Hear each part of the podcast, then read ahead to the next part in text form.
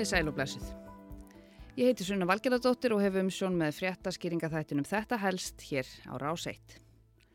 Nú þegar að sumarið er farið að láta á sér kræla að minnstakosti í ákveðnum landslutum, þá draugum við gjarnal fram sundföttin og skellum okkur í sund. Hér í eina tíð þótti alveg agalega fínt að komast í sundlög með rennibraut, þær voru ekkert á hverju strái. Svo þekktum við líka flest eina eða tvær leini náttúrulögar út í sveit en nú er öldin önnur. Meira en 150 sundlögar, steiftar og málaðar í fagur sundlögabláum lit, margar innmitt með rennibrautum, opnar allan ásins ring, nema í verkvöllum og óæðlilegum kuldaköstum. Í hverju krummaskuðin ánast það var ekki nóg fyrir okkur. Eitt daginn spurði einhver, af hverju er bara eitt luxuslón á Íslandi? Af hverju eru þau ekki tvö eða þrjú eða þrjátjú? Það er hægt að rukka mörg þúsund krónur á mann fyrir miðan, fólk getur fengið sér í glas og haft það næs. Góð hugmynd, sagði einhver þá og fleiri tóku undir. Skælagunir stuttumali bara upphefð íslenska baðmenningar. Í þetta held í dag ætla ég að fjalla um næstu kynnslóðar baðstæðina sem spretta nú upp um allt land eins og heita vatnið okkar. Vonandi að það dýi til þess að halda þeim gangandi að minnstakosti þar til þetta æði gengur yfir.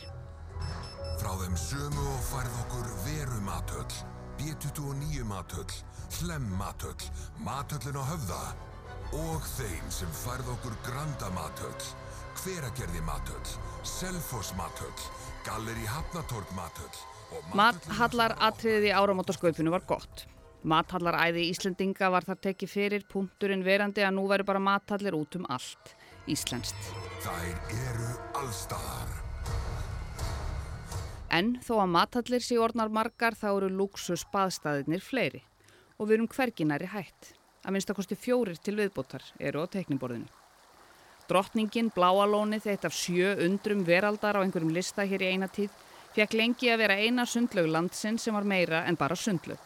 Bláalónið var upplifun, með svona sílikaleir sem læknaði alls konar. Það var með bar, þjónustufólk, sloppa og þetta undarlega bláa vatn.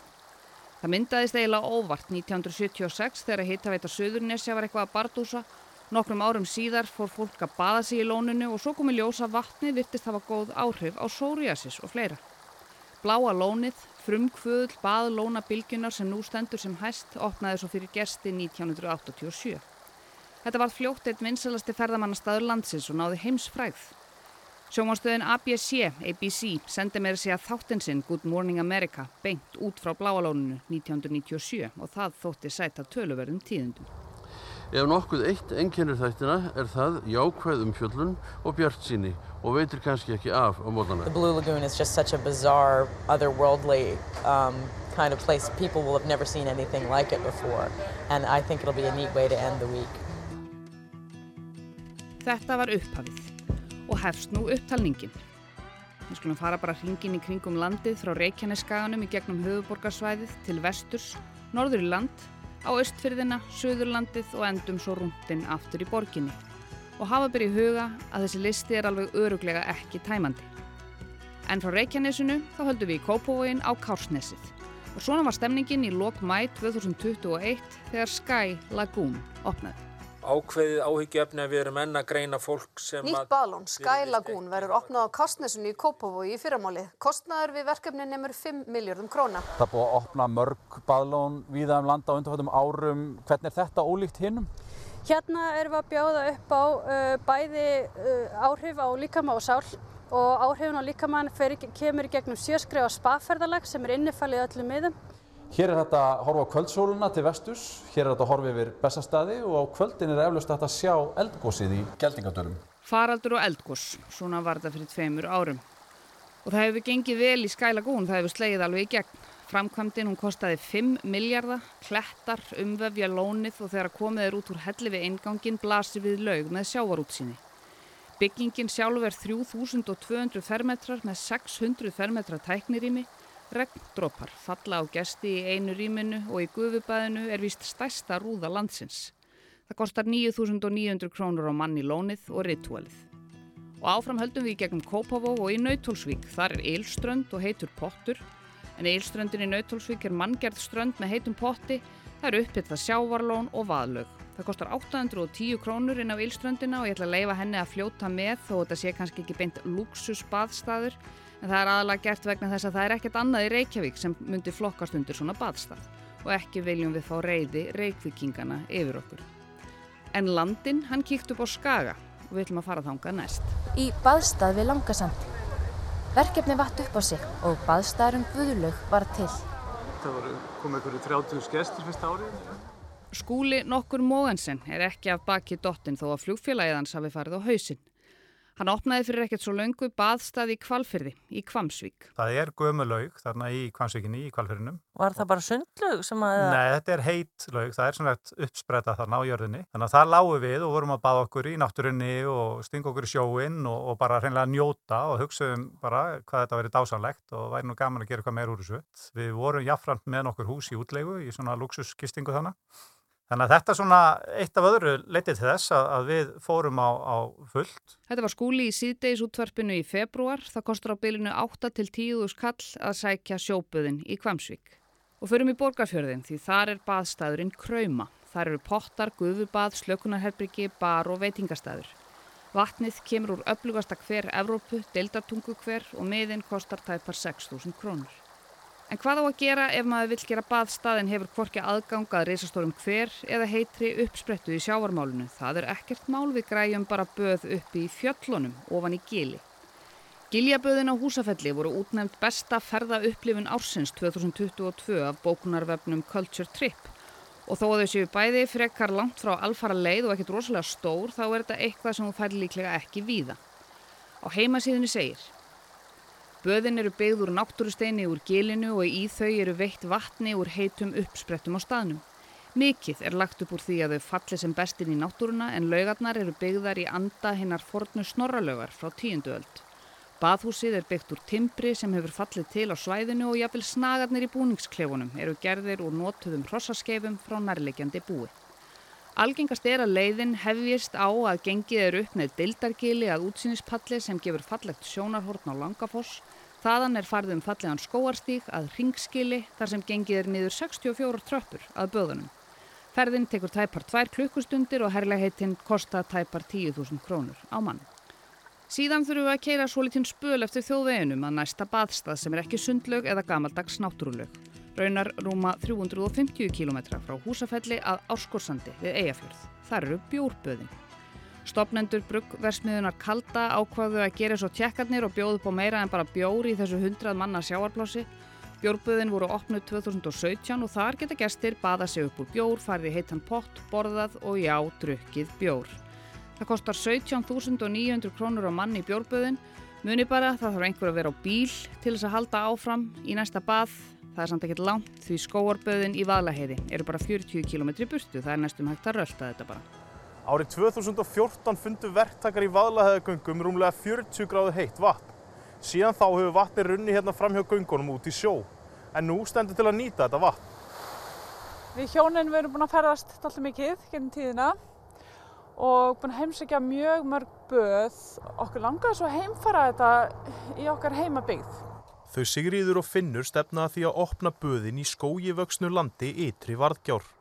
Það er þessi rosalega fallið skóur með útsinni yfir Akureyri, útferðin og innferðin. Sólinn hefða allan daginn. Þetta var bara svo kjörin staðsetning. Þetta var í desember 2020. Skóarböðin þau opnuðu svo síðasta vor og það er bara blúsandi business. Það er veitingastæður og bar, það er finsk þurrsána, kaldur pottur og tvær laugar. Það kostar um að 6.500 krónur á mann í skóarböðin við Akureyri og áfram höldum við úr grænum skóginum í sandin þar sem fátt vex. Jarðböðin við Mývatn eru svo litið eins og litla sýstir Bláalónsins. Það kostar tæpar 6.000 krónur á mann inn, það eru laugar, guðubað, pottur og bar. Vatnið kemur úr borhólu í bjarnarflægi og er með töluvert háu brennisteinsmagni.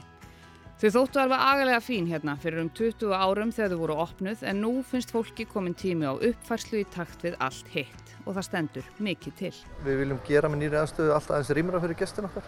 Búningsaðstöðu annað svona orðið svona heldur þraugt á okkur fannst. Nýja aðstæðan verður um 2300 fermetrar á einni hæð með veitingastað, fundarsal, búningsklefa og nuttaðstöðu. Aðstaðan eins og hún er núna verður svo nær öll jöfnuði jörðu þegar framkvæmdum líkur. Þannig 2024 munum við opna hérna á nýjum stað. En kostnæðaraflunni er einhverstaðar réttur um með 2 miljónar.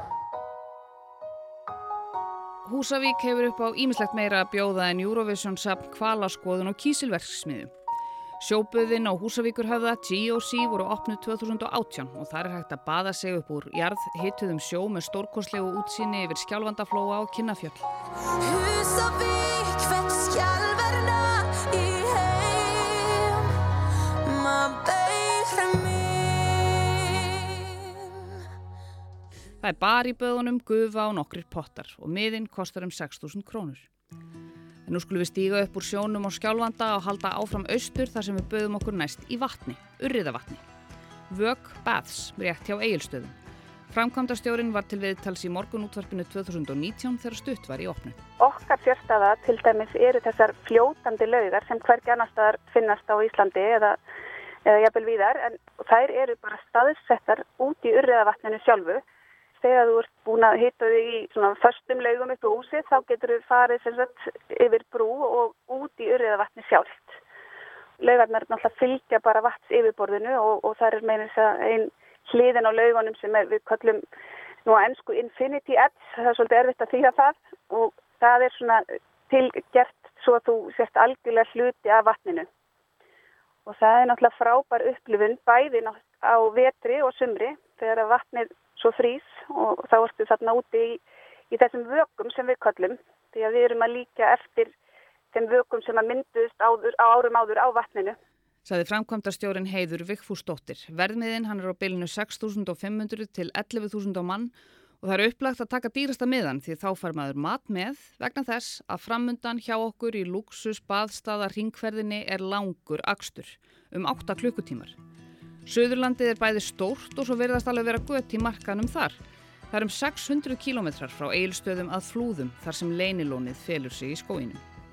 Gamla laugin á flúðum hefur gengið í gegnum endur nýjun lífdaga í takt við allt hitt sem ég hef talið upp í þessum þætti. Þetta er elsta sundlaug landsins, fyrst tekin í nótkun 1891 í jarðhittasvæðinu við Hverahólma. Secret Lagoon er lítið og einfalt umvafið gróðri og heitum hverum Það kostar rúmar 3000 krónur á mann ofan í laugina þar sem mælst er til þess að slaka bara á, fljóta og hafa það hugulegt. Við höfum haldið í einfaldan og einstakann uppruna Secret Lagoon svo þú getur notið einstakrar íslenskrar upplifunar, segir á vefsíðinni. En það er ekki langt í næsta baðstað hringverðarinnar. Náttúrulegin við laugavatn er eldgömul en laugavatn Fontana Spa er töluvert yngri. Nú erum við með gufubað, þrjár laugar, Það er heita lauga, sæla og viska, sánabað sem heitir ylur og svo eru þetta vatnið sjálft sem hægt er að skella sér út í beint úr laugunum. Á heimasíðunni stendur, vatnið er frábært tækifæri til þess að kæla sér niður millir heimsókna í gufurnar, slík vikslböð eru talin bæði hilsusamleg og styrkjandi. Einmitt það, vikslböð. Þannig að Við endum þessa ringferð sem hófst í bláaláninu í laugavatni. Við heimsóttum alls 14 baðstaði, mis, íburðamikla en alla með sína sérstöðu. Og það virðist einhvern veginn ekkert vera þannig að þó að fólk sé búið að prófa einhvern eitt stað að það sko ætla ekki á næsta. Þetta er svona eins og svipa bara með fósan okkar eins og við segjum. Þú hættir ekkert þú sérstun að skoða einn. Þú vilt sjá fleiri og, og öðruvísi. Þannig að og hver, að, þú veist, allir þessir baðstaðir sem hafa verið og eru til hérna á Íslandi hafa sína sérstöðu. Nautólsvík, Guðlaug, Kvamsvík og G.O.C. notast við sjóin, Bláa lónið, Jarðböðin, Krauma og Gamla laugin eru með jarðhittan. Vötnin eru vök og fontana spa og gróðurinn er í skóarböðunum, bjórin á áskorsandi og fjöllin við húsafell. Skælagún er líklega það eina sem nýtir ekki beinlinis umhverfið í sínar áherslur en eins og sínt hefur verið fram á er hægt að gera ímislegt hugulegt á kársnesinu ef maður er með nægan pening. Og allt hefur þetta kostað mjög marga miljardar en það kostar líka mikið að nota þessa staði. En er þetta þá ekki bara nóg heldur betur ekki? Að minnstakosti fjögur verkefni til viðbóttar eru á teikniborðum baðstaða framkvæmda elskandi Íslandinga og aftur miljardar og aftur miljardar sem þetta kostar allt saman. Fjallaböðin við Reykholt í Þjórsordal verða eflaust alveg agalega flott. Það eru meðal annara eigendur Bláalónsins sem standaða framkvæmdinni og þetta á allt saman að komast í gagni 2025. Þarna stoppast líka aðeins í gatið á Suðurlandinu. Það kostar líka mikið, núna er verðmiðin um 8 miljardar, sjáum svo til hverjan verður 2025. Og það er stemt að því að hefja framkvæmdir við baðlón í hveradölum á þessu ári. Það á allt saman að kosta 6 miljardar og taka nokkur ár. Það var eitthvað vesenvarandi umhverfis áhrif en umhverfistofnun hefur nú úrskurðað að allt þetta verið lægi. Og það á að nýta jarðhitta vatn frá hellisíðavirkjun í risastórt baðlón í Stóradal og 4000 fermetra baðhús á tveimur hæðum verður byggt. Og svo tóku kannski glöggir hlustundur eftir því ég slefti alveg vestfjörðakjálkanum í ringferðinni en hann fær bráðum að vera með því það stendur til að byggja sjóbuð í önundafyrði við Holtsfjöru sem er gullin, skjæljasandsfjara og ægi fögur. Svo er hún líka fyrir aðal sjópaðstæðurinn á norðanverðum vestfjörðum. Til að hita upp sturtur, laug og potta stendur til að nýta sjávarhittan sem orkugjafa og sjónum dælt um sérstaka varmadælu. Þetta geti því reynst áhugavert hvað varðar orkuvinnslu og köldum svæðum. Og talandi um köldsvæði því á Skagaströnd eru líka áform um baðlón. Rarik hefur lofað því að afhenda nægt heitt vatn í framkvæmdina en á sjávarbakkanum á Hólanesi skulur ísa baðlögar og pottar. Það þarf að vísu að leita meira vatni því það er ekki til að þessu svæði eins og er en það hlýtur að rettast. Það vantar baðlón á Skagaströnd. Sum sé, samkvæmt plönum þá eiga þessi tilvonandi baðlón öruglega eftir að kosta um 20 miljardar samtals eða meira. Það kemur í ljós. Ég heiti Sunna Valgeradóttir og Luxus Lóna Óða Þjóðin Íslendingar var helst hjá mér í dag. Takk fyrir að leggja við hlustir og við heyrumst aftur á morgun. Nú finn ég fyrringin Ég fylli bílinn minn. Þar er að verki gamli ferðahugurinn. Svo er ekki að stað Og ekki áðum sinn Ég ætla að glými allan dag Við þjóðveginn. Ég tek minn tjá